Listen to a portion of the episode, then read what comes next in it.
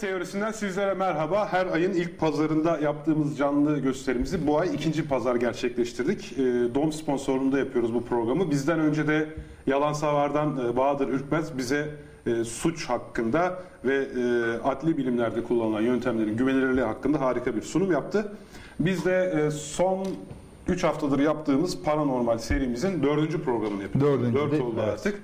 Dördüncü ve son program olacak bu. Haftaya artık başka bir seriye e, başlamış olacağız diye düşünüyoruz. Ee, Yine Demirbaşlar olarak Kaan ve ben buradayız. Tüm dinle, dinleyicilerimiz burada, izleyicilerimiz burada. Onlar da bize program sırasında katkıda bulunacaklar.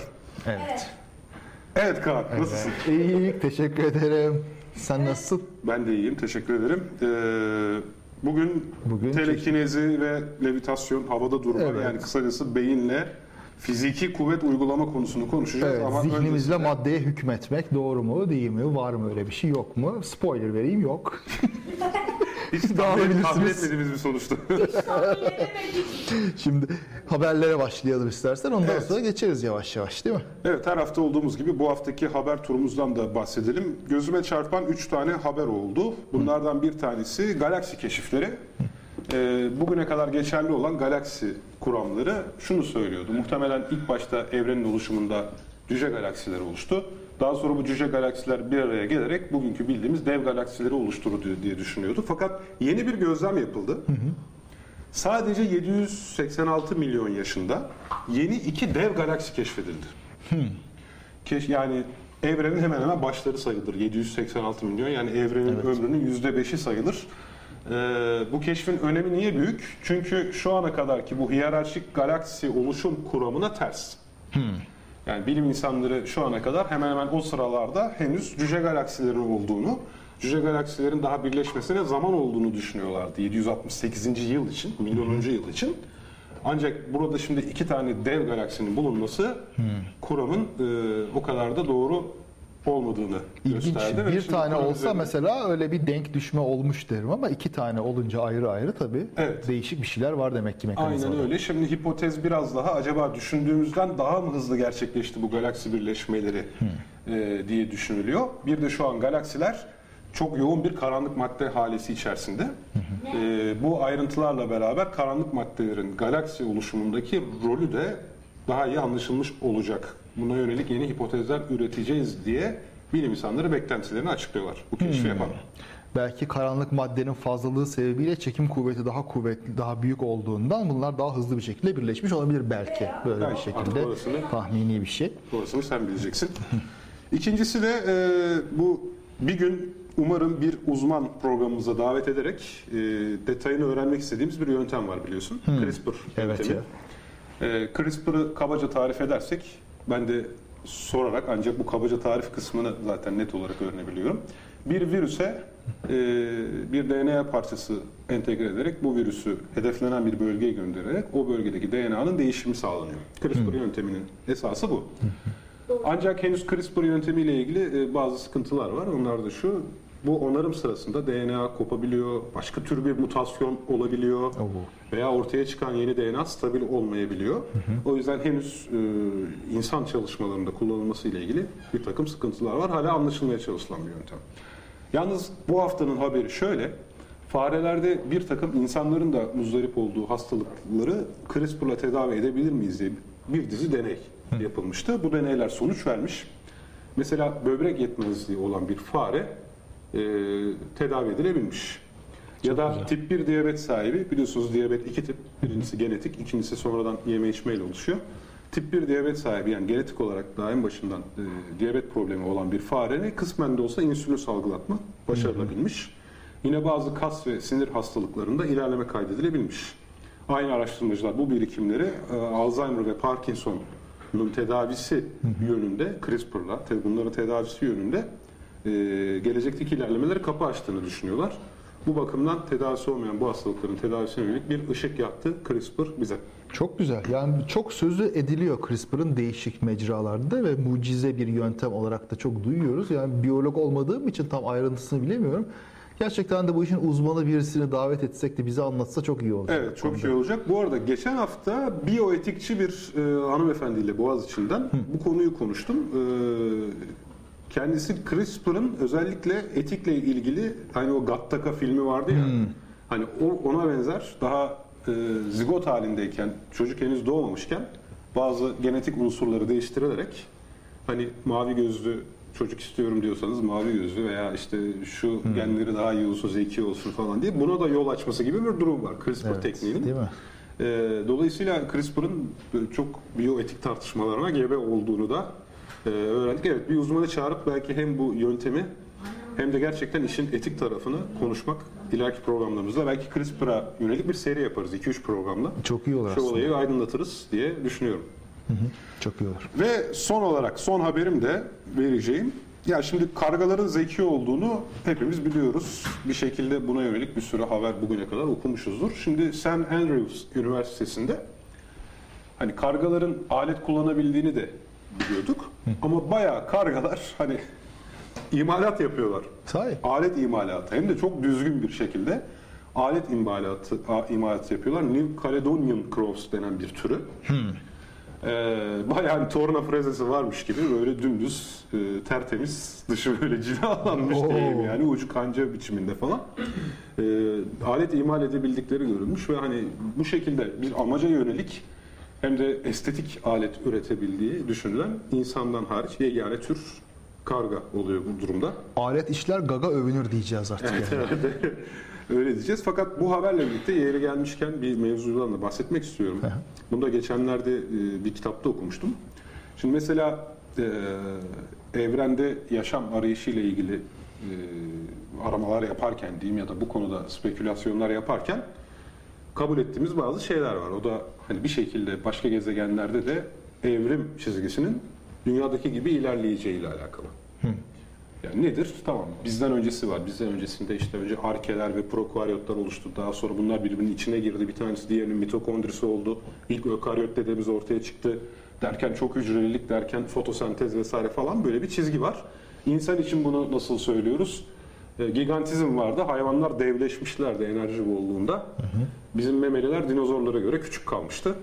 Yine kozmik bir tesadüf eseri dünyaya bir meteor çarpınca dinozorlar ortadan kalktı. Memeli atalarımız ağaçtan aşağıya indi. Ee, ve en nihayetinde iki ayak üzerine kalkarak elleriyle alet kullanmayı başardı. ve bu alet kullanmanın çok kritik bir devrim olduğunu ve bugünkü insanı yaratmada önemli bir basamak olduğunu düşünüyoruz. Fakat burada ilginç bir şey var. Kargalar alet kullanmayı muhtemelen insanlar çok önce öğrendi. Peki o zaman biz niye bu noktaya geldik? Ama atıyorum kuşlar şu an hep şu an burada programı sunan iki gagalı değil yani. Evet. Niye gerçekten de alet işler gaga övünür demiyoruz da alet işler el övünür diyoruz. Ee, demek ki mesela buradan şöyle bir sonuç da ortaya çıkıyor. Ee, hani insanın bu noktaya gelmesindeki kritik kilometre taşları dediğimiz basamaklar illaki ve illaki böyle deterministik bir şeyle aynı sonucu verecek diye bir beklenti içerisinde bulunamayız aslında. Kesinlikle Düşündüğümüz zaman kesinlikle. kargalar bizden önce alet kullanmayı öğrendi. Kancalı dal yapmayı öğrendiler. Ee, işte 300 milyon yıldır da onu yapıyorlar. Başka bir şey yapmıyorlar gibi. Evet, bilmiyorum 300 milyon yıl ama aslında insanlara 300 da bakarsan karganın yaşı mı bilmiyorum. yani 1 milyon 2 milyon yıl boyunca biz de çok bir numara yapmamışız ya. Yani çat çat çat böyle kıvılcım çakıp ateş yakmışız ama onun dışında bir numaramız olmamış. Bakıyorsun yüz binlerce yıl mağara aynı mağarada yaşamışlar. Atıklar duruyor. Hiç olduğumuz yerde saymışız. Bazen böyle bir yani parlama oluyor. İşte yürü, yürü Yakulum falanla. O, belki de onların yürü Yakulum zamanı gelmemiştir. O da olabilir.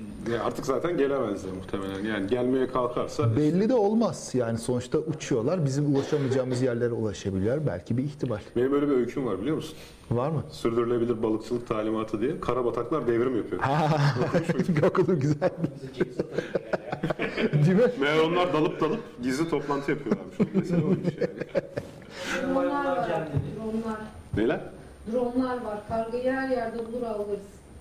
Oo. Yok yani. Şimdi yani iş o nokta tür, tür, türcülük bizi türcülük eleştirisiyle sakın bak e, yüz yüze bırakacak yorumlar yapmayalım lütfen. Tabii. Türcülük diye de bir şey var ya o Yılmaz Büyükerşen çekirdek çitleyenlere eşek heykeli yaptı diye bir tanesi de aramızda. Kerem Kaynar. eşek olmak kötü mü ki falan diye. Şöyle şey var. Kargalar belki hepimizden zeki olduğu için orada kaldılar yani. Baktı böyle insan nasıl oldu. Ulan evrimiz- Ne gerek var bu kadar evrimliğe diye. Olabilir vallahi. Görmüş de atlamış falan. Ha, elveda ve balıklar için teşekkürler deyip Aslında her şeyi kargalar yönetiyor. belki de arka planda değil mi? Veya bu bize yeter demişler. Daha fazlasında gözümüz yok demişler. O da olabilir. Şey ben Evet, de bir, bir haber bunlar. ben de bir haber ekleyeyim. Böyle yeni okudum, ilgimi çekti. Şimdi Mars'ın e, ciddi bir atmosferi olmadığını hepimiz biliyoruz. Bir sera etkisi olmuyor. Yani o beklenenin al- altında bir atmosferi var. Çok daha düşük bir atmosfer. Yaşanabilir bölge içinde olmasına rağmen bunun dışında bir soğuk e, sıcaklıklara sahip, düşük sıcaklıklara sahip. Bunun nedeni hep merak edilmiş durumda. Bir açıklama olarak şu. Mars'ın ciddi bir manyetik alanı, bir manyetosferi olmadığı için güneş rüzgarını dünya gibi etrafına dağıtamıyor. Dünyanın manyetik olanı güneş rüzgarından atmosferimizi koruyor. Mars'ta bu olmadığı için güneş rüzgarı atmosferin üst kısımlarındaki atomları yavaş yavaş süpürüyor ve birkaç milyon içinde, yıl içinde atmosferi yok ettiği gibi bir hipotez vardı ortalıkta. Bu şimdiye kadar epeyce kabul edilmiş bir fikirdi. Şimdi yalnız yeni bir araştırma sonucu bunun böyle olmayabileceğini e, düşünüyorlar. E, Mars Explorer aracı üzerindeki ölçüm araçlarından bir tanesinin e, analizleri yapılıyor. Bu İsveçlilere ait bir ölçüm aracı. İsveç'te yapılmış bir doktora tezinde, uzay fiziği tezinde şu anlaşılıyor. Ee, güneş rüzgarı doğrudan doğruya Mars atmosferine geliyor ama Mars'ın iyonosferinde iyonlaştırılmış tabakaya geldiğinde yeni bir manyetik alan indükleniyor orada. Manyetik alan küçük de olsa oluşuyor ve bu Mars'ın atmosferini bir ölçüde koruyor. Eskiden bunun korumaya yeterli olmayacağı düşünülüyordu. Ama şimdi ölçümlerden ortaya çıkarak yapılan hesaplamalarda bunun epeyce bir e, koruma sağladığı anlaşılıyor. Yani Mars'ın atmosferinin yok olmasının sebebi güneş rüzgarıdır fikri şu anda bu çalışmayla kısmen çürütülmüş olabilir. Tam değil tabi. Ne demiştik? Tek çiçekle bahar olmaz. Yani bunun devamı illaki gelecektir ama e, başka bir sebepten dolayı atmosferi gitmiş olabilir. O da çıkıyor ortaya. Bu destekleyici şeyler çıkarsa bu bir fikrine herhalde bir veda edeceğiz yakında. Bu arada dünyanın tabii bir manyetosferi olsa da e, dünyadaki atmosferin böylesine olmasının bir sebebi de bir şekilde fotosentezin icadı. Çünkü oksijen ağır molekül. Mesela e, ve tabii ozona da dönüşüyor şeyle beraber yıldırımlarla vesaire falan. Evet. Mesela hani bu ağırlık sayesinde de yoksa gezegenler ilk oluştuğunda varsayılan yani default atmosfer helyum ve hidro- hidrojenden oluşuyor. Doğru. Bunlar çok hafif gazlar olduğu için zaten e, bir manyetosfer olsa bile çok böyle fazla kaçma eğiliminde olabiliyorlar. Evet. Biraz da işte dünyanın bugünkü halini o oksijen devrimi dediğimiz bir zaman var. Fotosentezin icadından sonra çok hızlı bir şekilde e, bir gezegenin etrafında normalde bu kadar oksijen bulmayı beklemeyiz. Tabii. Ama işte sağ olsun kloroplastlı e, Aslında işin komiği bu e, ilk büyük ölçekli çevre kirliliği. Sonuçta oksijen dediğin şey bir he, bir atık. Yani adam bünyesinde atıyor bunu zehirleyici bir madde olduğu için atmosferde birikiyor. Ondan sonra da başka şeyleri tabii zemin hazırlıyor. Çok ilginç. Evet. Evet, o zaman haber turumuz sona erdi. Ve şimdi esas konumuza gelebiliriz. Allah diye sıçayım mı? Korktu gerçekten. Dedim ne oldu? Ne yapıyorsunuz Tevfik Bey? Alın bunu alın mıydı neydi? Neyse uykum açıldı iyi oldu. Hakikaten adam korktu ya. Korkarım tabii ben ya. Senden bir Esra, Ce Esra Ceyhan mıydı? o? Esra- Esra- Senden bir Esra Ceyhan şeyi beklerdim ya. Hay hay Cesaret hay. beklerdim. Alalım siz dışarıya diyeceğim ama o zaman tek başıma ne yapacağım? Boş ver sıkılırım. Evet, paranormalde ilk hafta genel olarak paranormalliği konuştuk. Nedir dedik? Telepatiden bahsettik, Telepatiden deneylerinden bahsettik. İkinci hafta duyu dışı algılamadan bahsettik. Evet. Üçüncü hafta Ee, ha- hayaletli evler ve dedik. spiritüalizmden Ha, evet, ruh çağırmadan bahsettik. Ee, ve şimdi geldik artık son konumuza. Bu kez de e, psikokinezi ya da telekinezi ya da levitasyon bu havada durma mevzularına geldik. Evet yani zihnin madde üzerindeki egemenliği gibi şeyler böyle. Zihin maddeyi yönetebilir mi? Yönetemez bir şey. Yine Zihinle bir maddede değişiklik yaratabilir miyiz? Bir maddeye kuvvet uygulayabilir miyiz? Böyle çözümlersek aslında bu iddialar buna karşılık geliyor. Yani bir Biraz şekilde doğada hakim bazı güçler var. Bu güçlerden en başlıcası zaten yer çekimi. Aynen öyle. Mesela bu havada durma mevzuna bakarsak e, hani bu paranormalite ile beraber çıkmış bir şey değil. Çok eski dinlerin kaynaklarına, kökenlerine baktığımız zaman belki insanoğlu kuşların uçabilmesi karşısında kendi uçamamasından eziklendiği için diyelim ne yapalım Yani artık? tabii. Hani hep bir doğaüstü güç, e, kudret kavramlarına bir şekilde havada durmayla ilişkilendirmiş. Havada uçabilmeyle. Tabii. Eski hikayelerde çok var havada uçan azizler vesaireler, kutsal Ki kişiler tanrıların falan. gökte durduğu düşünülüyor. İşte Yunan tanrılarını düşünüyorsun. Hepsi göklerde vesaire falan filan. Tabii. Mesela Türkçedeki tengri kelimesi, tanrı kelimesi tengirmek fiilinden geliyor. Tengirmek havada asılı durmak demek. Sahi. Havada asılı ve dengede durmak demek. Bir denge anlamı da var. O yüzden iyi ile kötünün dengesi dualizm anlamını da taşıyor. Mesela düşündüğünüz zaman gök tengri, gökte hava asılı duran tanrı demek. Yani bir şekilde e, gökte asılı durabilen yıldızların da bir kutsiyet e, taşıdığını görüyoruz. Tabii bunun gökle de alakası olmakla beraber işte bir şekilde yer çekimi kadar kesin böyle şunu şuradan bıraktığım zaman düşen pek çok insanın canını alan ki yükseklik korkusunun içimize işlemiş bir fobi olduğu düşünülürse Tabii. E, avcı toplayıcı atalarımız için böyle içsel olarak gelişmiş bir korku bu. Havada durmak kısacası e, böyle en esaslı mucizelerden bir tanesi. Tabii. Şüphesiz. Tarihin en eski devrinden. Çok biri. etkileyici bir şey her şeyden önce yani en, en etkileyici. Yani Süpermen'i düşün mesela Süpermen uçmasaydı bu kadar Süper büyük bir olmazdı. süperlik olmazdı yani her şey olsun uçmasın ne kadar da değil. İyi kötü Spider-Man de havadan. Tabii. Batman'e bakıyorsun pelerin var havada Ha, bir ha, şekilde değil şey mi? var. Tabii. Yani baktığın zaman Aynen Bir öyle. havadalık var yani. Ha, bir havadarlık, bir ayakları yere basmama hepsinde olacak illaki. Güneş hızlı giderse havada bile uçabilir. İşte o ikinci Mesela. sınıf bir şey oluyor. Süperman onu döver. Mesela. Hayır aslında Superman'den daha hızlı olduğu görülmüştü. Çünkü Supergirl ve Superman de aynı zamanda savaşıyor. Deneysel delilim var diyorsun. Peki. Evet var. Tamam, o Biliyorum zaman. çünkü ben hayranım. Gen- genç yaştan eleştirel düşünür. yani hepimiz ne deriz bir de tabii ayağımızı yerden kessin yeter.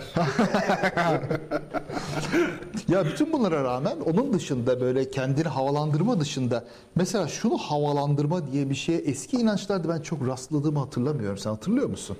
Yani, Yani şimdi çok masalda olsun, başka şeyde olsun. ve e- efsanelere bakarsak evet öznelerin kendisinin havada durmasına ilişkin çok referans var ama yani evet hani işte o buğday tanesini aldı havaya kaldırdı falan gibi bir şey Bu yok. daha nispeten yeni bir şey. Bu Belki 18 denizin yarılması hani mesela e, pek çok dinde yer alan denizin yarılması vakasını okyanusun havaya kalkması Öte yandan da bir- denizin yarılması işte oradaki kişinin yaptığı değil. Yine Tanrı'nın yaptığı bir şey olarak sunulur. bu. ha doğru bir psikolojik yetenek olarak değil bir evet tanrısal Yani bu 19. yüzyılda diğer bu paranormal düşüncelerle, ruhla vesaireyle çıkmışa benziyor. Yani zihnin maddeye egemen olabileceği düşüncesi. Belki o zamanın hakim düşüncesi artık bilimselleşmeye, materyalistleşmeye falan bir tepki olarak çıkmış diye ben tahmin ediyorum. Yanılıyor da olabilirim tabii daha önce bir şey bulunmamasına dayanarak bunu Valla bunu daha önce de çok konuştuk. Tabii şimdi ben bu fıkrayı daha önce yayında anlattım mı bilmiyorum. Hafif bir müstehcenliği var ama Temel'le Dursun yolda yürüyorlar. Temel çırılçıplak. Dursun'un da sadece alt iç çamaşırı var. bir ara Temel Dursun'u durduruyor şey diyor. Ya Dursun en sevdiğim özelliğin ne biliyor musun? İşte ne? Kumarda nerede duracağını iyi biliyorsun. Şimdi 17. yüzyılda manyetizmayı keşfediyorsun, onu keşfediyorsun, bunu keşfediyorsun falan. Şimdi manye, bunu daha önce kesin konuştuk da hani manyetizma da çok mucizevi bir şey. Yani arada hiçbir şey yok. Ee, Bak şey e, bu şeyle alakalı olabilir mi? O dönemdeki e, o dönemdeki e, insanın e, doğayı fethetme, doğayı kontrol etme düşüncesinin bir uzantısı olarak tabii fıkrayı da o yüzden anlattım zaten. İşte tamam doğayı kontrol ediyorsun da nerede duracağını bir bilmen lazım. Hani tamam doğa güzel bir sürü şey keşfettik. Onu kastediyordunuz değil mi? İşte manyetizmayla vesaire bir şeyler yapabiliyoruz. Buhar makinesini keşfediyorsun. Doğadaki o ateşteki enerjiyi. Bu arada hani çok da gözünüzde büyütmeyin. Daha bu motorlar falan ilk icat edildiği yüzyıllarda ısı enerjisinin böyle maddeden maddeye akan kalorik sıvı diye bir sıvı olduğu falan sanılıyordu. Yani ısının maddelerin ortalama kinetik enerjisinin aktarımı olduğunu falan çok geç keşfettik yani. Öyle. Görece. Tabii. Yani buhar şey- makinesi icat edildiğinde ısının doğasını bilmiyorduk yani. O pratik bir icat. Dolayısıyla doğasını bilmiyorsunuz bir şeyin. Ateş diye bir şey var. Hala mistik sulardasınız. Ateş var ortada. Ve bu ateşte bir hareket enerjisi yaratıp tekstil makinesi işletebiliyorsunuz. Tren hareket ettirebiliyorsunuz falan. Demek ki daha doğada ne cevherler var. Ha, değil Mantığı mi? geliyor burada. Evet, değil mi? Daha Gizli şeyler var bizde kim bilir. Ha işte evet bu önemli bir nokta işte bak elektrik ve manyetizma bunlar alışık olduğumuz kuvvetler değil görünmeyen kuvvetler işte bu enerji dediğin şey işte bu buhar makinesi bilinmeyen içinden çıkan bir şey gerçekten bu e, önemli bir etki yaratmış olabilir De- dediğin gibi yani daha neler var belki bu da vardır nereden biliyorsun olmadığını Tamam makul bir şüphe zaten. Tamam yani hani bir şekilde şüphelenebilirsin de zaten ondan işte sorun ondan sonrası. Ha işte orada Ha, tamam, tabii. Şüphelendik ama o şüphede kaldık mı? Ha işte. Orada işte tabii deneylere geliyor iş. Şey de tabii 19. yüzyılda bunu biraz araştırmışlar, etmişler de çok böyle bir deney yok. Biraz böyle inanmak isteyerek bu şeyleri yapmışlar. Medyumlarla genellikle yapılıyor böyle şeyler. Hani geçen hafta bahsettiğimiz hani masada oturup hep beraber parmaklarını masaya koyarak işte masayı oynatma şeyleri. Bu da aslında telekinezi mi desek ruhun gücü yine yani belli bir kişinin olmasa da medyuma da atfedilen bir şey bu. Ama bunun çeşitli numaraları Ama var. zihin gücü yok yani psikokinezi diyemeyiz. Onu ruh yaptığı için. Doğru diyorsun. Yani o başka bir şey. En azından madde üzerinde görünmeyen bir etki anlamında. Tabii bunu şimdi şunu biliyoruz. Çeşitli numaralar yapıldığını biliyoruz. Mesela e, bacaklarıyla biraz oynatmak olabiliyor. Geçen hafta bahsettiğimiz gibi farkında olmadan herkesin bir yöne doğru itmesi böylece bir yere yürütülmesi. Veya medyum varsa işin içinde ve onun bir asistanı varsa masada mesela özel kancalar olabiliyor veya halkalar. Elini böyle koyduğunda parmaklarını takmış oluyor ve kaldırıveriyor bundan sonra. Böyle numaralar çok var tabi. Ee, Masayı da Ikea'dan almışlar herhalde. bayağı hafif oluyor Bayağı tabii. hafif yani. Dikkat ediyorlar tabii ona. Ya bu karanlıktan çekilen numaralar bilmem neler tabii bunların içinde hep böyle illüzyonist numaraları var. Yani bunların hepsine baktığında e, illüzyonistlerin kolay açıklayabildiği çok basit numaralar olduğu da görülüyor. Açıklamışlar da Şöyle nitekim. Ha mesela güzel bir kitap var. Bunu da kameraya gösterelim. bu Ee, e, James Randi bu profesyonel illüzyonist zaten. Kendisi bu psikokinezi olsun, medyumluk olsun vesaire olsun bu konulardaki insanlara meydan okumuş ve onların yaptıkları şeyleri rahatlıkla tekrarlamış birisi. Bir de bir ödülü var James Randi'nin. bir de deyince Adı. paranormal bir gücü olduğunu kendi deney ortamında ispatlayabilen birisine 1 milyon dolar verecek.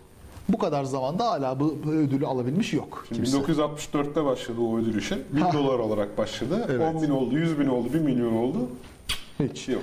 Yani diyeyim bir medyum olsam ben yani gücüme inanıyor olsam bu fırsatı kaçırmazdım ama nedense hiç istemiyorlar. Ya ne gerek var? Bence zaten kerizlerden alıyorlar o parayı yani. E öyle tabii. Randy'nin bir milyonuna mı kaldı Aynen yani? öyle diyorsun. Geller'ın şimdi Randy'nin bir milyonuna ihtiyacı mı var yani? Şu sevdiğim başka bir kitaptır. Bu da şans eseri yıllar yıllar önce bunu şeyde sahaflarda bulmuşum. Metin And, meşhur tiyatro tarihçisi, folklor araştırmacısı Metin And'ın İnsanüstülük Taslayanların İç Yüzü diye bir kitabı. Burada da medyumlar, bu psikokinezi yaptığını söyleyenler, telepatlar vesaire duru görücülerin bu numaraları illüzyon numaralarıyla nasıl gerçekleştirdiklerinin araştırması bu. Bazıları önceki belgelerden yararlanıyor, bazıları tahmin üzerine gidiyor.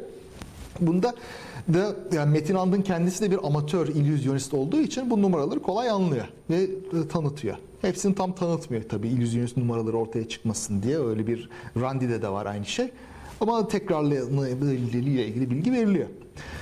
Ama tabii 19. yüzyılda daha bu konuda eleştiri fazla yok. 20. yüzyılda biraz bunun laboratuvar araştırmaları başlıyor. Şeyde ikinci haftada galiba bahsetmiştik bunda telepati vesaire üzerine. Aynı dönemde işte bu psikokinezi şeyleri de var. Mesela işte Uri Geller'den bahsettik. Uri Geller böyle 20. yüzyılın en çok tanınan şarlatanı aslında bu konularda. Bu İsrailli bir genç başlıyor böyle 60'larda vesaire böyle ben işte çubukları büküyorum, kaşıkları büküyorum falan diye salon numaraları yapıyor.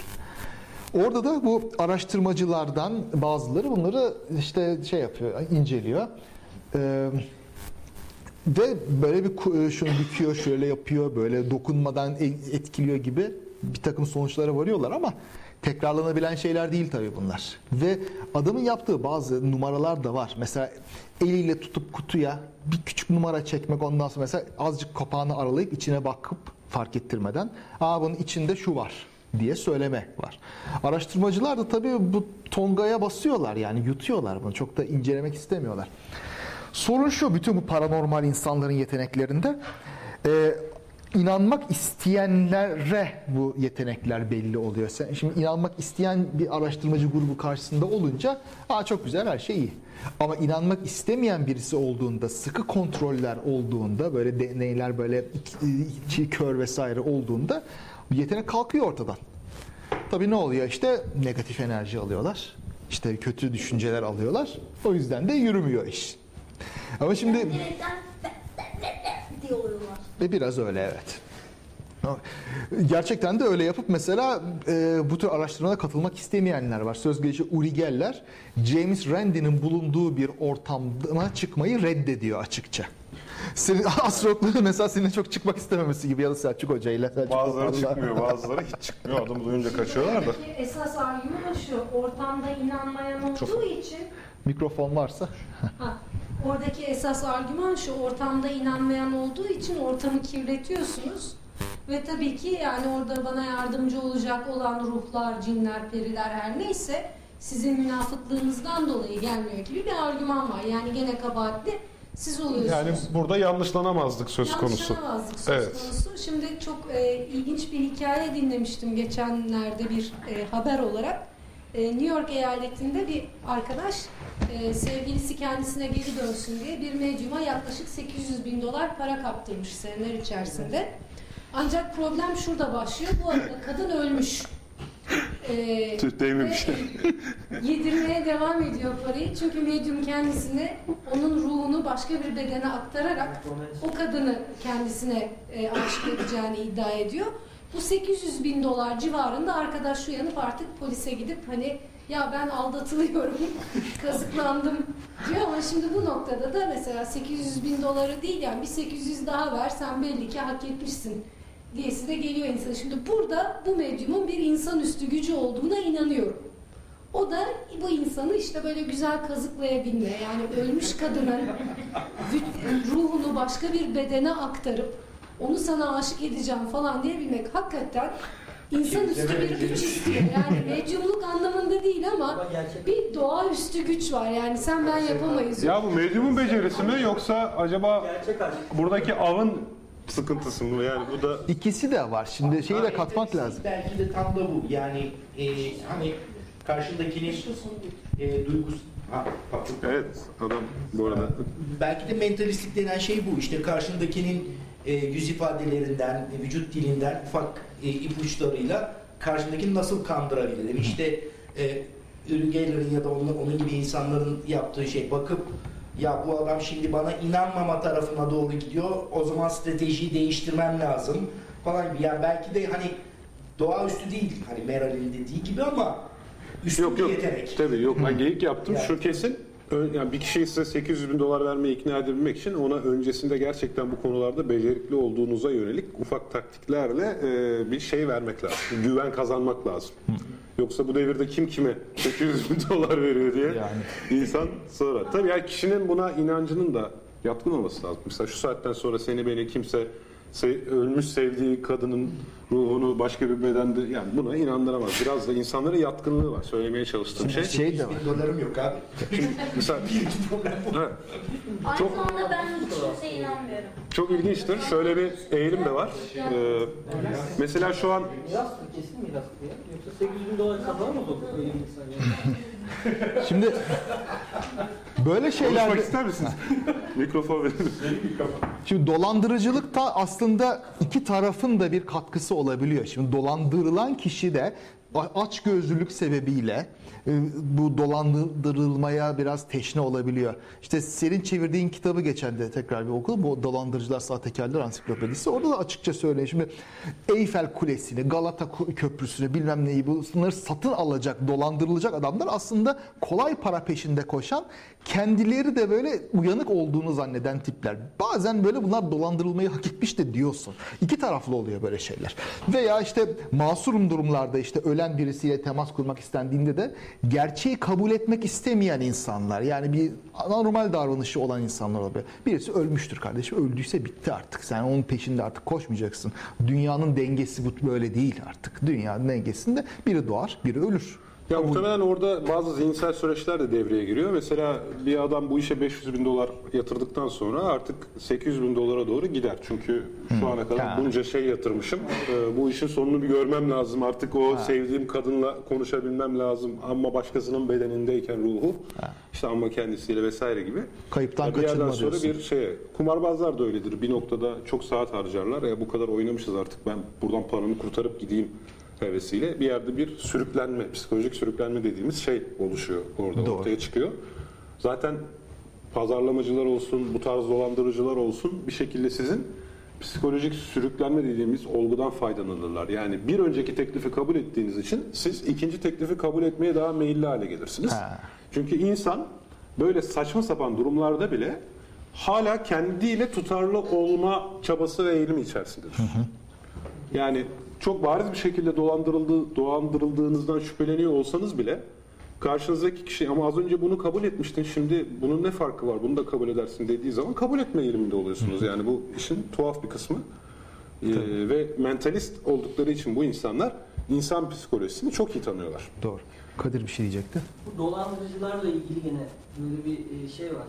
Süleyman Osman'ın galiba röportajı var. Tam dediğinize benzer. Ben diyor işte plastikten altın yapıyorum diyor. Çok ucuz miktara satıyorum diyor. İşte adama da ya şu an çok ihtiyacım var paraya diyerek satıyorum diyor. Aslında diyor benim her dolandırdığım kişi diyor aslında beni dolandırmak isteyen bir kişiydi diyor. Herkes bilir ki o, o fiyatı olmaz ama diyor o benim diyor işte masumluğumdan işte muhtaçlığımdan faydalanarak bunu ele geçirdiği için o beni dolandıracaktı. Ben onu dolandırmış oldum. Gibi bir iddiası vardı. Bir de ben bir duruşmada bir hakimden şöyle bir laf duymuştum. Ee, gelen şahsın üzerine şirket kurmuşlar. İşte adam sahte fatura kesmekten yargılanıyor. Diyor ki bu şirketin müdürü müsün? Yok diyor. E imzam var diyor. İşte para vereceklerdi dedim diyor adam. Hakimin dediği şey şu. Ya zaten diyor senin gibi böyle bedavadan para kazanılabileceğine inanan insanlar yüzünden dolandırıcılar var. Yani şimdi bunu konuya uyarlamak gerekirse bir şeyleri kolay yoldan elde edebileceğine veya elde edilemeyecek bir şey elde edebileceğine inanmak aslında şarlatanlığın, dolandırıcılığın belki de sözde bilimlerin hepsinin en temel sebebi. Bu kadar Tabii burada emeksiz yemek e, eğilimi var. Bu arada bir Işıl buraya geldiğinde Işıllar Amerika'dan bir dolandırma yöntemi anlatmışlardı hatırlıyor musun? Madem konumuz buraya geldi Hadi. ondan da bahsedeyim. Öğretelim. Doğru. Mesela bir bara gidiyorsunuz. Heh. Elinizde böyle bir kitap. Kitap da değil mi de keman, cello işte öyle bir şey var. İşte barmenle sohbet ediyorsunuz tabii. Barmeni diyorsunuz ki ya işte bu keman benim için çok önemli falan. Bu 17. yüzyılın bilmem nesidir. Heh. Çok kıymetlidir. Bunun işte nereden baksan piyasada 10 bin dolar değeri var diyorsun. Ondan sonra fakat az sonra tam hesabı ödeyecekken ceplerine bakıyorsun. Ya diyor para yok. 200 dolar ödemen gerekiyor. Barmen'e diyorsun ki bak ben bu kıymetli şeyi sana emanet ediyorum.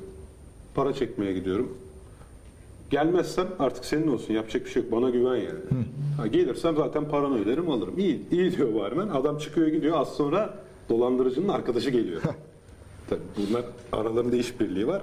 Barmen bilmiyor. Tabii. Geliyor ya diyor bu cello 17. yüzyıldaki bilmem ne cellosu değil mi falan filan.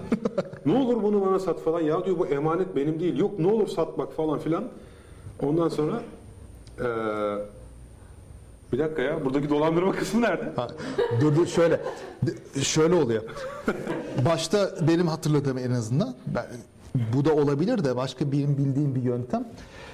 Dur Başta- dur bitireyim. bari. Tamam. Sen bununla ilgili mi E, anlatacaksın? bu- bu- bunun bir varyantı olarak. Tamam, Ya hatırlamadım diye bunu. söylüyorum yoksa bitir tabii. Neyse e, adama veriyor şey e, cello'yu. Güya ondan işte 10 bin dolar alacak. Bir dakika ya ben burayı kaçırdım ya. Zaman makinesi kimdeydi? Geri alabilir misin? 20 yutan olması lazım. Yani barda birisi daha olacak. Konuşunu izleyen. Tamam. Bak Almak siz- isteyen almak isteyecek Çello'yu. Ama parası yetmeyecek. Oradaki diyecek lan diyor ben. Ha tamam hatırladım. Süper oldu. Tamam Bak, senin hatırladım, dediğin gibi hatırladım. başlıyor, Dur, tamam. dur, Bu sefer olacak. Tamam. olsun. Vallahi bu sefer olacak. Hadi bakalım son şansın. Emanet diye satmıyor önce. Barmen Tamam. hafif şey çıkıyor. Tamam. Az sonra öteki adam geliyor. Diyor ki ben para çekemedim. Ama bu cello'yu da sana veremem. Bunun piyasa dola- değeri 10 bin dolar. Tamam. Barmen de diyor ki tamam hadi ben sana diyor bunun için 500 dolar vereyim. Çünkü öteki adam güya az sonra geri gelecek ve onu 10 bin dolara alacak. o ikinci gelen adam da diyor ki ya bak sen bana bunu sat. O da satmam deyince tamam bak sen bir saat daha düşün. Ben az sonra buraya cebimde 5 bin dolarla geleceğim. Artık diyor satmaya karar verirsen bunu alacağım diyor. Barmen de 5000 dolar gelecek diye az sonra adam gelip de ya ben para çekemedim falan deyince tamam hadi sana 500 dolar vereyim al git diyor. Yani değeri 10 dolar bile olmayan bir cello için barmen 500 dolar ödemiş oluyor. Bu arkadaşlar 250-250 kırışıyorlar. Öteki adam tabii ki geri gelmiyor yani. Oh be ya, tam, ya tamamlayamasaydım ya valla. Oldu oldu. Canlı yayın kazası deniyor böyle. Olur öyle. 40 yıllık televizyoncuyum ha. Dolandırıcılığı. İşte bak ne kadar saf ve masum. Biraz alıştırma biraz alıştırma yaparsak bence Artık beceririz. insanlar güvende bana tamam. Biz yapalım bunu ya. Güleriz ama artık neyse. Şimdi e, tamam şeye dönersek bu Varyantına. yok yok tamam şeye Uri Geller'e falan dönersek çok dallandık galiba. Şimdi onda da mesela değişik numaralar var ve yine inanmak isteyenin gözünün önünde yapıldığı için ufak tefek şeyleri örtbas etmek de kolay oluyor. Bunda çeşitli numaralarından bir tanesi, yani pek çok numarasından metal bükme malum. İşte kaşık büker, anahtar büker, şu büker büker. Genelde bunlar kalabalık ortamda mesela davet ortamında falan oluyor. Kim kime dumduma falan. Bir sürü kaşıklar ortalıkta. Şimdi bazı şimdi işbirlikçisiz falan da oluyor ama bazen bir kaşığı böyle bir cebellezi ettiği oluyor veya iki tane alıyor. etti? Cebellezi ediyor şöyle bir cebine sokuyor, alıyor, yürütüyor çaktırmadan. Ka- ha. Bu Nerede öğreniyor lan? ya Babil'de okula giderken öğrenmiştim. Çivi yazılarına yani yazıyorduk. cebelleziye etmek. Cebellezi etmek. Cebellezi. Ha tamam. Indira Gandhi de diyebilirsin ne bileyim artık. Ha tamam Indira Gandhi'yi biliyor da. Cebellezi'yi kaç kişi biliyor? Duydu daha önce. Hep yaşlılar ya. Yaşım ortaya çıktı hakikaten. Bilmediğim için kendimi genç ve dinamik hissettim şu an. Aferin sana. Falda cebime gir. Kesinlikle olan kelimeyi kullanırım ondan sonra. Tamam, TDK genelge çıkarttı diyorsun. Ee, eyvah. Şu düştü. Nazar değdi. Sesim geliyor mu hala? Geliyor herhalde. Tamam şöyle dursun. Ha. Ee, çaktırmadan bu aldığı kaşığı şöyle bir büküyor hafifçe eliyle. Tabii bu arada çeşitli numaralar çekiyor. Ya işte ben iyi enerji alamıyorum, pek sıcak değil burası yapamayacağım galiba falan gibi bir numaralar çekiyor. Ve e, insanlar biraz sıkılmaya da başlıyor. Ha, olamayacak galiba ha ha diye gülmeye de başlıyorlar. Ondan sonra hafifçe büktüğü kaşığı çaktırmadan değiştiriyor. Diğer kaşıkların arasına sokuyor. Sonra iki tanesini karşılaştırıyor. Aa bakın bükülmüş bu. Ondan sonra bunları sürekli değiştirerek çaktırmadan alıp böyle yine biraz daha büküp bakın bir şimdi biraz daha büküldü. Bu zamanla daha çok bükülecek falan gibi oluyor. Sonra mesela davet devam ediyor. Kimse başka bir şeye, herkes başka şeye bakarken, kimse oraya bakmazken alıp böyle biraz daha büküyor, kenara koyuyor. Ha bakın biz burada konuşurken bu biraz daha bükülmüş oluyor. Veya işte tam böyle davet dağılıyor. Herkes gidecek. iyice büküyor böyle bir kenara bırakıyor. Sonra ev sahibi kaşıkları toplarken görüyor. Oo ne kadar da bükülmüş gittikten sonra bu enerji burada devam ediyor falan oluyor. bu, veya mesela Geleceğe yatırım yapıyorlar büküp bırakıp. Ha, anahtar mesela bükme numarası. Anahtarlar tabii biraz daha sert, biraz daha zor oluyor ama onda mesela elinde tutuyor anahtarı, tamamını göstermiyor. Böyle biraz çaktırmadan bükmüş. Hmm, bu olmayacak galiba falan filan diyor. Ondan sonra büktüğü zaman insanlar uuu diyorlar. Vay be ne enerji falan.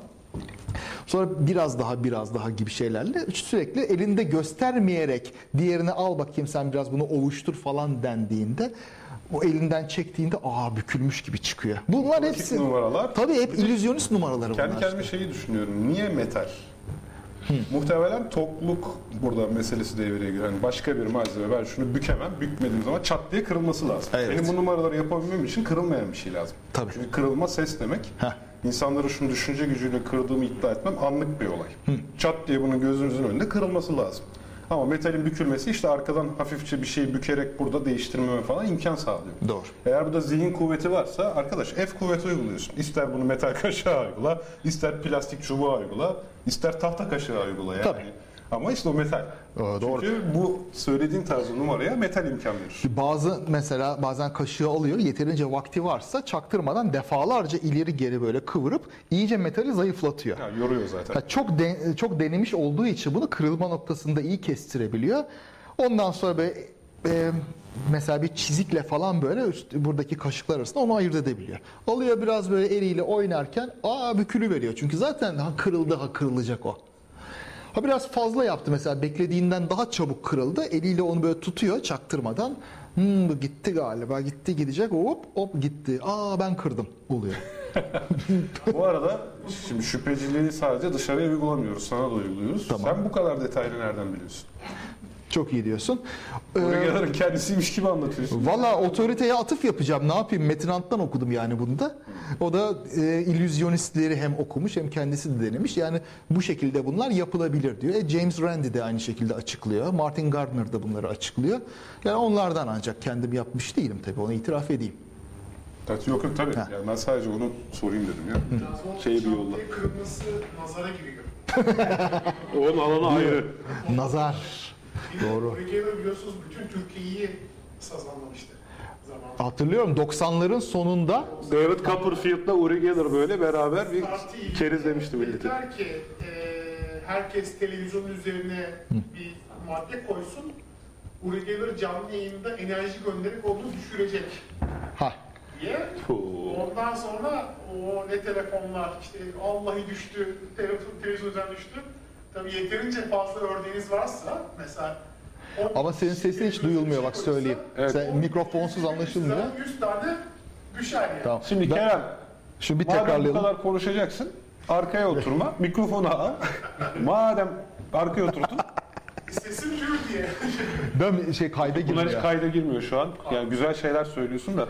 O zaman özetleyelim. Şimdi Türkiye'ye geldiğinde bu 90'ların sonu olsa gerek Milliyet'te falan böyle manşet yapılmıştı. Mehmet Yılmaz da o zaman genel yayın yönetmeni ki meraklıdır böyle O şeylere. zamanın telomer vakası buydu herhalde. Yani geçici bir şey. Bu kadar değildi de. Evet ama bayağı Yani reklam kokan organizasyonu onlar yapıyorsa, bileti onlar satıyorsa. tabii. Aynen öyle. Ne şey, Kerem'in dediğini te- tekrarlıyorum. Televizyonunuzun üzerine bir nesne koyun işte enerji gücüyle, beyin enerjisiyle bunu düşürecek demiş. Ve bazıları tabii arıyorlar ve aa gerçekten düştü diye. Şimdi işin problemi şurada. Bir eşyası düşmeyenler aramıyor. Düşenler arıyor. O, bu da bir teyit yanılgısına giriyor aslında Bu tabii mi? arayanları gerçekten düşenler olduğundan da emin değiliz bu arada. Yani şovun bir parçası de. olabilir. Olabilir Niye tabii. düşsün ki televizyon üzerindeki bir şey? Ne bileyim birisi bir çocuk hızlı koşmuştur ya sarsıntı olmuştur, düşmüştür. Yani rüzgar esmiştir, Yani düşmüştür. yine de işte milyonlarca kişiden mesela milyonlarca kişiden birkaç tane olur illa. ya zaten oradaki mekanizma da problemli. Yani enerji niye Ha işte. kamerayla, uyduyla hareket etsin ki orada ve televizyona gelsin yani. Hani Elektromanyetizma. ya şeyin e, Ra- Randy ile e, bir araya gelmemesinin sebeplerinden biri e, Randy şey diyor. Kaşık setini ben kontrol edeceğim diyor. Ha tabii. Yani bu kaşık setini ben kontrol edeceğim. Benim gözümden de hiç Ha. ayrılmayacak diyor. Yani bu Aynen öyle. göreceğiz. Ha. Ha, bunu kabul ediyorsan gel diyor. Yuri Geller hiç yanaşmıyor buna çünkü kaşık setiyle oynayacak zaten. Sağını solunu değiştirecek. Tabii. İşte Kaan'ın anlattığı gibi şey o hani Kaan'ın bilme sebebi de bu galiba. Şeyin Randy'nin bir kitabında vardı. Evet. Bunun e, şeyi nasıl olduğunu Tabii. anlattı. Oradan Aynen öyle. Şöyle bir şey de var. Bu Amerika Birleşik Devletleri'nde ölülerle konuşabildiğini iddia eden böyle bir numaralı bir kadın John var. Edward. Ha yok başka. Galiba öyle bir şeydi. Silvia'lı bir şey. Mesela o da canlı yayında Peki James Randi'nin böyle bir size meydan okuması var. Kabul ediyor musunuz dendiği zaman canlı yayında kabul etti tabii. Leke sürdürmemek için. Ama basın da üzerine gitti. Her zaman yok benim işim vardı ben hastaydım falan filan onu unutturdu gitti. Asla o James Randi ile beraber o kontrole girmedi yani. Tabii. Tabii. İşin işte sorunu orada böyle şeylerde. Yani bö- böyle bir gücün varsa bunda gerçek olduğunu düşünüyorsan bunu de- denersin yani kendine güvenirsin. Yani bir Bu kemancının ben se- seyirci seyrederken çalamam demesi gibi bir şey mümkün olabilir mi? Hayır. Veya bir maratoncunun işte bir 100 metre koşucusunun seyirci varsa ben koşamam demesi mümkün değil. Ama bunlar öyle yapıyor. Çok ilginç. Burada biraz false analoji olmuş olabilir ama ya. Ee, neden? Ya da Kemancı evinde çalıyordur yani. e, kemancı Yenge evinde, öyle demiştir. evinde Artık sadece çalıyorsa bana çalacaksın demiş. e, e, konserde de çalar herhalde değil mi? Şaka yapıyorum da. Yani onlar biraz sanatsal yetenek olduğu için kişi bunu illa seyirci önünde İstemeyebilir. istemeyebilir. Yani. Ama ben ki- e, Fakat öteki tarafta bir Ha, buradakiler bir zaten iddia var. Ha, buradakiler zaten seyirci önünde bir şey yapıyor. Yani bu, bunu bilimsel bir seyirci önünde yapmaktan kaçınmasının tek sebebi Evet. olur. Yani evet evet. Bu arada Kerem gerçekten sesin gür duyuluyormuş. Dinleyici geri bildirimi. YouTube'da. Vallahi helal olsun ne diyeyim. O enerji işte mikrofon Adamın enerjisi vallahi kuantum enerjisi. Yani herkes lütfen bilgisayar üzerine bir şey koysun. Evet Kerem Kaynar meydan okuyor. Bilgisayarınızın üzerine bir şey koyun. Bilhassa laptopların üzerine bir şey koyun. Kerem düşürecek. Özellikle sulu şeyler olsun. Solu şeyler olursa hatta daha da düşebilir. Kerem bilgisayar dükkanı açmış da alakası yok ama. Evet hocam peki bu havada durma mevzuna gelecek olursak. Şimdi Ha, gerçekten havada durduğunu iddia eden böyle fotoğraflarla bunu gösteren falan filan tipler var tarihe de bakınca. Vallahi değil mi? Bir bakıyorsun böyle bağdaşı kurmuş amcam. Duruyor havada. Duruyor. Resme bakarsan. Vallahi evet resme bakarsan öyle. Tabii resimlerle ne, ne kadar oynanabileceğini biliyoruz biz tabii şimdi. Ama çok geçmişte de oynanabiliyor muydu bu kadar? İşte ne kadar geçmişte, o çok geçmişte de resim yok aslında. Yani. 30'lar, 40'lar. Belki Bahadır bu konuda bize daha çok şey Ha, bilir de. 19. yüzyılda da var bir Ee, şeyler. Resimlerde manipülasyon. Resimlerde mani- manipülasyon ilk başından beri yapılıyor. Değişik yöntemleri var. Hele bu eski stil e, siyah beyaz şeylerde e, gene bir setup yapıyorsun. E, kaydetmek daha zor. Bir kare çekiyorsun. O bir kareyi manipüle edebiliyorsan reel ortamda onun da fotoğrafını çekiyorsan hiç sıkıntı yok. Yani yapılıyor. E, çok fotoğrafın ilk başından e, sonuna kadar hep bir foto aldatmaca söz konusu. Tabii. Var ya orada sıkıntı yok. Şey var yani Sonlarda bile çekilen filmlerde var. Ay filmi var ya bir tane ünlü aydan Şey-. Ay yolculuk mu? Molière kardeşleri. Molière mi? Unutmuşum. Ee, 1910'larda çekilen e, sinema filmlerinde bile e, çeşitli e, şu anki CGI'nin çok daha veya şey sinema efektlerinin çok daha e, ilkel seviyede de olsa e, o defa o zaman o filmi ilk kez izleyecek insanları rahatlıkla kandırabilecek veya hatta belki bazıları şu an bizi bile e, ilk bakışta fark edemeyeceğimiz film hileleri yapılabiliyor çeşitli e, şey kam lens oyunlarıyla özellikle. Demek ki ezelden beridir anladığımız kadarıyla muhtemelen öyle. fotoğraflarla oynanabilir. Mesela hatırladığım bazı böyle havaya yükselme fotoğrafları vardır böyle bu ruhların gücü olarak e, söyledikleri. Şimdi bakıyorsun bu havaya yükselen kişinin omuzları böyle büzülmüş, başı biraz öne eğilmiş, havada duruyor. Etraftakiler de vuu falan diye bakıyorlar. Şimdi beni de birisi iple bağlayıp da yukarıya çekse benim de herhalde omuzlarım büzülür, başım böyle durur. Şimdi bu ilginç. Yani böyle göğsünü gere alçak gönüllülükten değil yani. Ha, Süpermen gibi bir şekilde de kalkmıyor aslında. O var. İşte başka numaralar var. Mesela karanlıktan veya puslu havadan yararlanarak bir desteğin üzerinde bir e, dik bir direğin veya bir zincirin üzerinde bir yere oturan şeyler de var. Hint fakirleri içinde. Böyle numaralar da mevcut. Transandantal meditasyonun pazarlaması içinde de mesela bu vardır. İşte siz bu yöntemi uygularsanız e, yükselirsiniz diye fotoğraflar var. Buyur Emre. Hocam tam ben de bu noktada yani söz almak istiyordum. Meditasyon dediğin zaman o gerçek bir his. Şöyle, e, dip bir parietal bölgede beynin yani parietal kortekse, şakakların üstündeki korteks özellikle mekan algısıyla ilgilidir. Yani oranın üzerine yani gerçekten meditasyonda bir insan bir yıl boyunca her gün bir saat o bölgesine yönelik meditasyon yaparsa adım gibi eminim o uç, uçtuğunu hisseder. O kadar uzağa gitmeye gerek yok. Yani sonuçta yani alkol kullanımından sonra bir düşünün yani gözünüzü kapatın yatağa yatın bir alkol kullanımından sonra herkes uçtuğunu hisseder yani o yatağın döndüğünü, her şeyin döndüğünü aynı şekilde yani dilimize bile girmiştir yani çok madde kullandı, alkol kullandı uçuyor. Kafa uçmuş aslında. yani nöronlar olması gerektiği Bir, bir fark şurada yalnız bu transandantal meditasyon dediğimiz bu Maharishi Mahesh Yogi'nin takipçilerinin falan fotoğrafları var. Yani adamlar uçuyoruz diye yerden böyle kopmuş şekilde bağdaş kurmuş fotoğraflar böyle pazarlıyor. Ya kaynaklık bu his olabilir. İnsanlar bunu hissediyor. O, ona bir diyeceğim yok. O çünkü mesela evrenle bir olma duygusunu veren de aynı şey. Böyle duygular kesildiğinde senin kendi vücudun nerede olduğunun hissini kaybettiğinde de aynı şey oluyor. Ama ben burada somut bir iddia iddiadan bahsediyorum bu TMC'lerin yaptığı. Fotoğrafla da göstererek bakın uçuyor bizim uzmanlarımız falan deniyor. Hatta ileri meditasyon teknikleri olarak işte meditasyonu iyi bilenler içinden işte 70'lerin fiyatlarıyla 3000 dolar vererek size bu uçma tekniğini öğretiriz gibi kurslar açıyorlar. Fotoğrafa bakıyorsun gerçekten böyle yerden kesilmiş. Ama o fotoğrafı mesela başka yöntemle de tekrarlıyorsun. Randy bunu yapmış mesela. Hiçbir eğitimi olmayan birisini boink boink bir şeyin üzerinde, esnek bir şeyin üzerinde zıplatmış. Hiç böyle bağdaş kurmasını bozmadan. Bir strobe ışığıyla, çakar ışıkla böyle aydınlatarak fotoğrafını çekince al havada duruyormuş gibi görünüyor bitti. Hiçbir fark yok. Ama işte bunu gerçek bir şeymiş gibi sunup siz bunu kursa girerseniz havada uçmayı öğrenirsiniz gibi bir şey yapıp böyle pazarlıyorlar. Ondan sonra da sorulduğunda mesela kaç kişi bu eğitimi başarıyla tamamladı? Oo binlerce binlerce deniyor. 70'lerde binlerce. Şimdi olması lazım 10 binlerce en azından ama hiç görmüyoruz ortalıkta uçan. Hatta herkese hep söylüyoruz. İşte cep telefonu var. Her gün bir tane düşmesi lazım. Aynen öyle. Düşününce Sosyal medyaya. Aynen öyle. İşin içinde Hashtag hileler çok. olması lazım. Bugün uçtum falan diye olmuyor yani. Hint fakirlerinin mesela böyle şey yaptığı iddia edilir. Ama bunlar hep iddiada kalmış. Çok ilginç. Bak Marco Polo'da geçer. Başka böyle eski şeylerde geçer. Böyle şeyler yapanlar vardır diye. Efsane ya. Almanya'da Efsane. kızlar teklif ediyormuş.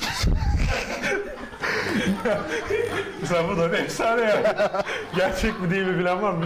Bilemem Almanya'ya gitmedim. Hadi buyur.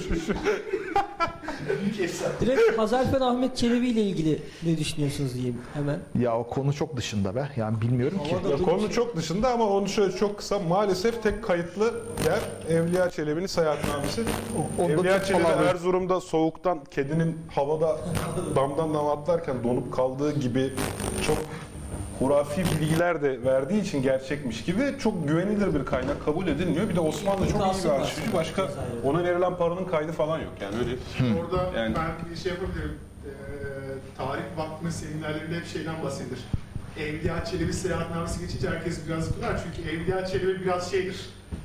E, abartmayı seven bir insandır. Evet. Yani onun da sebebi şu eski dönem seyyahlarının yani şöyle söyleyeyim size 17-18. yüzyıla kadar birçoğunun geçim kaynağı bu seyahatleri bir şekilde ilgi çekici şekilde satabilmeleri.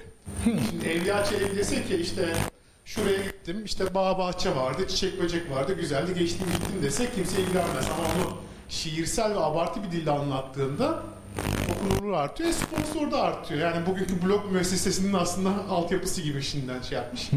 Dolayısıyla Evliya Çelebi pek tarihsel olarak güvenilir kaynak olarak bilinmiyor. Mesela e, zamanında diyor ki işte İstanbul'da binlerce fırın var deniyor. Ama iaşe defterleri ve diğer tarihsel kaynaklara bakıldığında o kadar fırın olması ihtimal dahilinde değil. Gibi şeyler. Ama belli şeyleri var. Mesela belki de hakikaten biri denedi uçmayı. Başardı başaramadı ama başaramadı dese bir şey olmaz ama başardı uçtu. Üsküdar'a indi demesi tabii çok böyle ilgi çekici oluyor.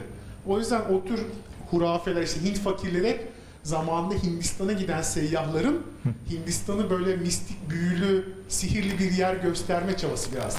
O Hindistan Turizm Bakanlığı'nın o dönemki reklam faaliyeti. Yapıyor. Canım yani aynı yere gidiyorsunuz 50 dolar tura katılıyor ben 50 dolar tura katıldığımda bakıyorum etrafa en güzel diyorum adam öyle bir anlatıyor ki ben kendimden şüphe düşüyorum ben bir şey göremedim Seste acaba. sorun varmış senin mikrofon düştüğünden beri de. Aa, eyvah. Şunu tekrar anteni şöyle havaya bakacak şekilde oraya bir takarsan. Şimdi tabii şey var. Hint fakirlerinin kendileri de bu dediğin maişet kaygısı içindeler. O yüzden de çeşitli numaralar çekerek böyle ilgi çekmeye ve tabii sadaka toplamaya da çalışıyorlar eskiden beri. İğneli yatağın üstüne yatmalar, korlar üzerinde yürümeler, başka bir sürü numaralar. Yani bir yerde bir sokak performansçısı gibi de davranabiliyorlar tahminimce. Bu benim tahminim. Mesela e, bu Ha- havaya havada durma, havaya çıkan Hint fakiri numarası ve özellikle şu numara vardır. Bir ip havaya atılır, havada durur görünmez bir şekilde. Ondan sonra Hint fakiri oradan tırmanır, yok olur. Sonra tekrar iner ve ortaya çıkar. Bu tevatür olarak çok vardır. Bu çeşitli seyahatnamelerde falan böyle bir şey yapıyorlar denir. Ama 19. yüzyıla falan gelindiğinde bu kalmamış hiç arıyorlar bulamıyorlar. İngiliz kralı 7. Edward 19. yüzyılda Hindistan'a geldiğinde bu numarayı kendisine sunacak birini arıyor. 10 bin sterlin vereceğim diyor. Kimse gelemiyor. Yok. Aranıyor böyle 20. yüzyıl başında kim yapar bunu kime meraklılar. İşte benim şu kardeşim şu Lahor'da yapar, benim kardeşim Delhi'de bu yapar falan diye oradan oraya atlanıyor. Hiç yapacak kimse bulunamıyor. Arada bir bir şeyler çıkıyor ancak. Şimdi Metin And'ın bu konuları analiz ettiği şeyde çöz- verdiği çözüm şöyle. Şimdi önce numara şu. Anlatayım biraz. Biraz korkunç geliyor kulağa ama bir, bir şey yok. Korkunçluğu aslında yok. Hint fakiri bir de yardımcısı çocuk var. Dediğim gibi havaya bir şey atıyor, o orada duruyor. Ondan sonra çocuk ona tırmanıyor, gözden kayboluyor. Geri gelmeyince Hint fakiri de meraklanmış numarasıyla tekrar arkasından tırmanıyor. Gözden o da kayboluyor. Sonra böyle bir çığlıklar duyuluyor çocuğun çığlıkları ve çocuğun kolları, bacakları falan böyle kanlı kanlı aşağıya düşüyor. Ondan sonra Hint fakiri aşağıya iniyor, kolları bacakları birleştiriyor, çocuk canlanıyor, selam veriyorlar, ayrılıyorlar. Şimdi bu işin numarası Metin Ant'tan okuduğum şu şekilde. Şimdi bu işlerin yapıldığı bölgede akşam üzeri sıcaktan vesaireden dolayı birkaç metre yüksekte bir pus tabakası oluşuyor, bir sis tabakası. Böylece de yani mavimsi bir duman gibi görünüyor. Oradaki şeyler kolay kolay görülmüyor. Bir de akşam vakti loşluk içinde yapılıyor bu. Birkaç saat öncesinde bu Hint fakiri e, yere paralel bir kablo geriyor. Mesela ağaçtan ağaca olabilir, binadan binaya olabilir. Bu da bu seviyenin üstlerinde kaldığı için gözükmüyor. Attığı kablonun ucunda da bir çengel var. Yukarıdaki paralel kablonun üzerine takılıyor, kalıyor. O yüzden de çocuk oraya tırmandığında dik duruyor gibi görünüyor. Şimdi çocuk da bu duman tabakasının içine gelince görünmez oluyor. Kablonun üzerinden yürüyüp ağaca çıkıyor veya binaya gidiyor, ortalıktan kayboluyor. Hint fakiri çıkıyor ve daha önce çantasında bulunan mesela maymun kolu bacağı gibi uzuvları yere atıyor oradan ve geri geliyor. Çocuk da bu arada çaktırmadan geri gelmiş oluyor. Artık nasıl bir illüzyon numarasıyla onu geldiğini hissettirmiyorlar. Parçaları birleştiriyorlar. Çocuk ayağa kalkıyor. Olay bitiyor. Genelde yani yaptıkları açıklama bu. Başka bir şey yok. Ya zaten şöyle de ilginç bir şey var. Ee, insan dehşet ve korku içerisindeyken beynimizin çalışma yapısı şeyi görmezden gelecek şekilde e, iyi haberi, kötü habere odaklanmaya başlıyor. Ha, çok güzel. Yani eğer şu an dehşet ve korku içerisine girmenize neden olan dış etken varsa artık iyi haberleri beyin şey yapmıyor, işlemiyor. Ha şunu da ekleyeyim. Daha kötü haberleri işliyor. Dolayısıyla orada aslında önünüze kanlı, kollu bacak falan düştüğü zaman Ha. bunun sahte olabileceğine yönelik, iyi habere yönelik emareleri değil, bunun nasıl gerçekçi olduğuna yönelik emareleri aramaya başlıyorsunuz. Şunu da ekleyeyim. Ee, bazen bu Hint fakirleri saman balyaları yakıyorlar ve üzerine de afyon serpiyorlar. O saman balyaları hem böyle dumanı arttırıyorlar ama da o afyon kokusu da dinleyenlerin algılarını biraz köreltiyor. Daha inanılır o hale geliyorlar. Daha yapıyorlarsa Sizin dediğinizde Abi, e, mikrofon Kerem.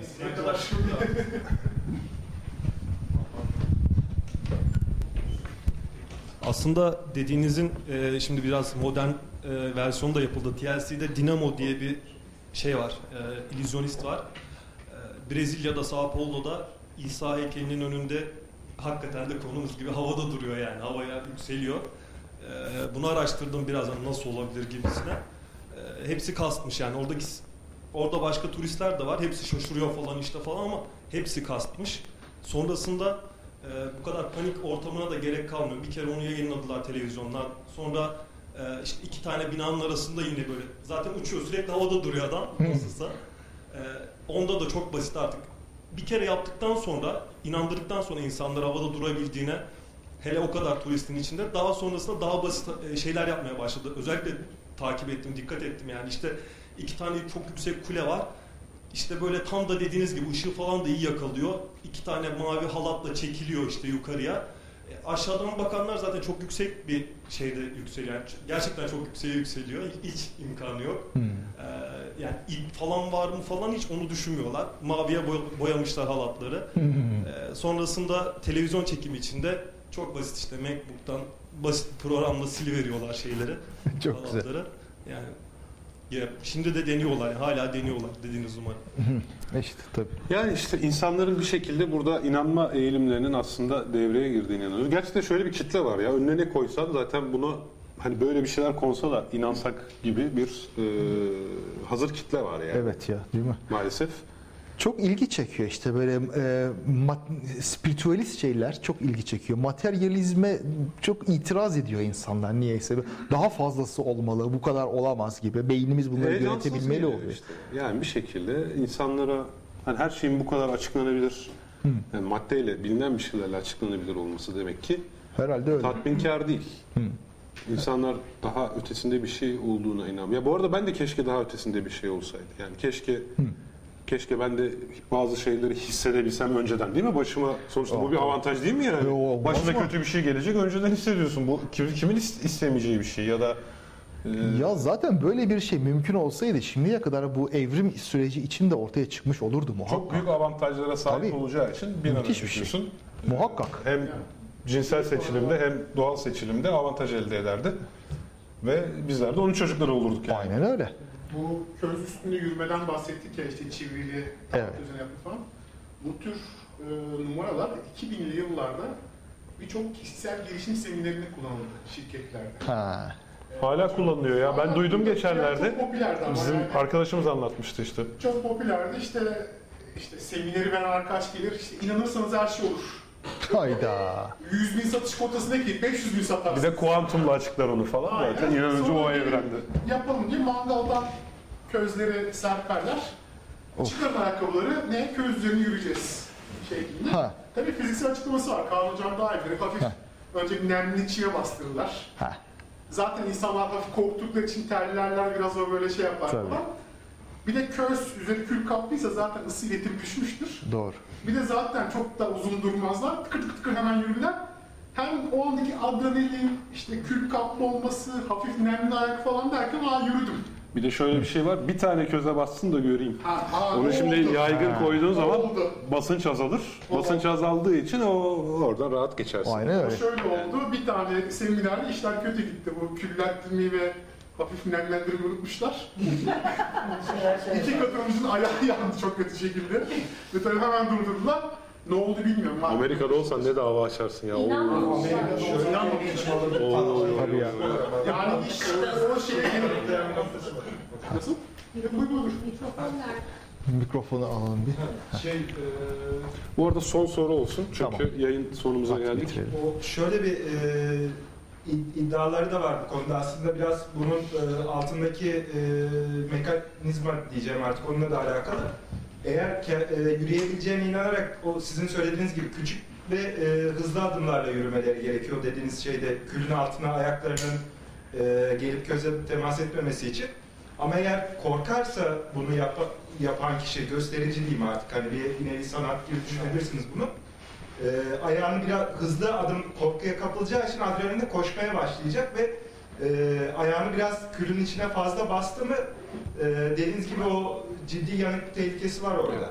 Hani şeylerin e, bu gösteriyi yapan kişinin e, ana fikrini bir nevi karşılıyor aslında. İnanırsanız yaparsınız şeyini Evet. tırnak içinde. Bir anlamda olsa- doğru. Böyle bir deney var. Ondan da bahsedeyim madem açıklayıcı olması bakımından. Ee, bir deneyde iki gruba, biri deney grubu, biri kontrol grubu önce ellerini çok soğuk bir suya sokmalarını istiyorlar ve kaç saniye tuttuklarını ölçüyorlar. Mesela diyelim sen A grubusun, bunu temsil et. Sen ortalama 13 saniye tutuyorsun, ben 20 saniye. Daha doğrusu ben de 13 saniye tutuyorum. Yani ilk başta aynı zaten. Tamam. Sonra bu insanlara bir tür egzersiz yaptırıyorlar ve bu egzersizin kalp sağlığına iyi geldiğini söylüyorlar. Fakat bir gruba kalp sağlığı daha iyi olanlar ellerini soğuk suda daha uzun tutabilirler bilgisi veriliyor.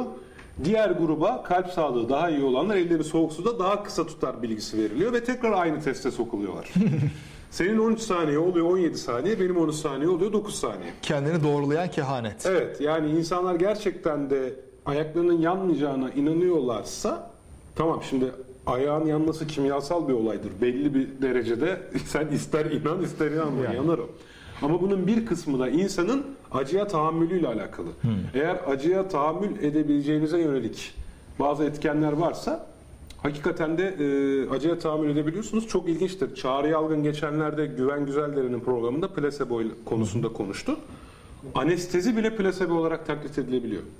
Yani anestezi aldığımızda salgıladığımız, yani beynimizin aktive olan yerleri ve salgıladığımız bazı nöronlar anestezi aldığımıza inandığımızda da salgılanıyor. Tek fark şu, anestezi 2 saat, 3 saat sürüyorsa bu plasebo anestezi çok daha kısa bir sürede geri kayboluyor. Ama hakikaten de inanarak anestezi olabiliyorsunuz ve bu da bizim için ayağımızın yanmadığı, orada muhtemelen kimyasal olarak bir insan ayağını pişirecek bir sıcaklık yok zaten. Kimse o riski almaz. Ama en azından acıya tahammülümüz değiştiği için yürüyebilir hale geliyor olabiliriz inanınca. Doğru. Yansa bile söylemiyor olabilir. Veya evet, Yani evet. ya yandı ama neyse. Ka- kaç genç erkekliğe leke sürdürmemek için gece soğuk denize girdi, buz gibi göllere atladı. Ya ya. Yalnız arkadaşlar orada biraz da şey var. Beklentinin ne olduğuyla alakalı. Yani e, plasebo etkisi anesteziyle falan anestezisiz felaket durumlar da var. Mesela çocuk doğurması kadınların. Orada canının çok yanacağını biliyorsun ve hazırlıklısın. Aynı kadın mesela işte çok alakasız bir durumda ufacık bir kesik için evi ayağa kaldırabiliyor. Parmağım kesildi falan diye. Tabii. Orada acının yani orada başına ne geleceğini bilmek. İşte çok acıyacak tamam peki. Evet. Yani analık işte hormonal. Şöyle hatta travma dediğimiz şey beklenmedik acıdır. Aynen öyle. Yani siz mesela bir yumruk atsam size yanacak Evet. dendiğinde yani birazcık oraya canının yanacağını bilerek girmek var. Yani kalorifer biraz fazla sıcaksa elini sürmeyecek olan adam oradan basıp geçiyor. Ama orada bir Evet. beklenti var. Beklenti karşılandığı sürece sıkıntı çıkmıyor. işte orada beyin yanıtını beklenti olup olmaması belli. Travma da zaten beklenmedik şey. Yani şuradan kalkıp bir kişiye yumruk atsam hissedeceği acı, bundan hissedeceği duygular vesaire çok değişir. Ama aynı boksör o yumruğun şiddet daha iki katı şiddetlisini bile ringde yese bunun ne psikolojik bir etkisi olur ne de acı yönünde. O zaman bu benim aklıma şunu getiriyor. Daha önceden böyle başımıza gelecek her şeyi tasarlasak ve planlasak o zaman başımıza gelen hiçbir şey bizi çok fazla sarsmaz. Atlatamayacağımız şekilde sarsmaz. E tabii, Lafı nereye getireceğim? hapishanede Tam- olsa- Stoğaya bağladı. Ha, nereye? Psikotarihe mi? Yok. işte Yok, stoğa, stoğacılığın temel prensibi mesela temel demeyeyim de işte kötüyü önceden düşünmek. Premeditatio malorum. Önceden başına gelecek şeyleri kötü olarak düşünmek. O da sana travma yaratmasın işte. Ha, sana bir zihinsel hazırlık olması açısından. Doğru, doğru. Evet, o zaman eee, artık yayınımıza son verebiliriz. Saat 18.30 olmuş. Tüm katkıda bulunan izleyicilerimize teşekkür ediyoruz. Bir muhabbet teorisi yayının daha sonuna geldik. Eee izleyicilerden, şey buradaki e, YouTube izleyicilerden de soran var. Bildiğiniz üzere biz her hafta salı günleri akşam YouTube yayını yapıyoruz. Fakat her ayın ilk pazarı burada toplanıp böyle sizlerle birlikte etkileşimli canlı bir gösteri yapıyoruz. Bu yayınımızı Dom sponsorluğunda gerçekleştirdik. Kendilerine de teşekkür ediyoruz. Diyeceğim Teşekkür, bir şey varsa çok teşekkür ederiz. Hem dinleyicilerimize hem de Doğma. Ee, işte bugünlük de bu kadar o zaman. Paranormalleri bitirdik. Gelecek hafta yeni bir konuya- Normallere başlarız. Normaller, Artık evet. Tekrar Özledik normallere normallere. dönelim. Mevsim normallerine dönelim. Evet, aynen. Teşekkürler, sağ olun. hakkında bilgi edinmek isteyenler Tarihi Osmanlı Mecmuası'nın 3. cüzünün 1912. sayfasına bakabilirler efendim.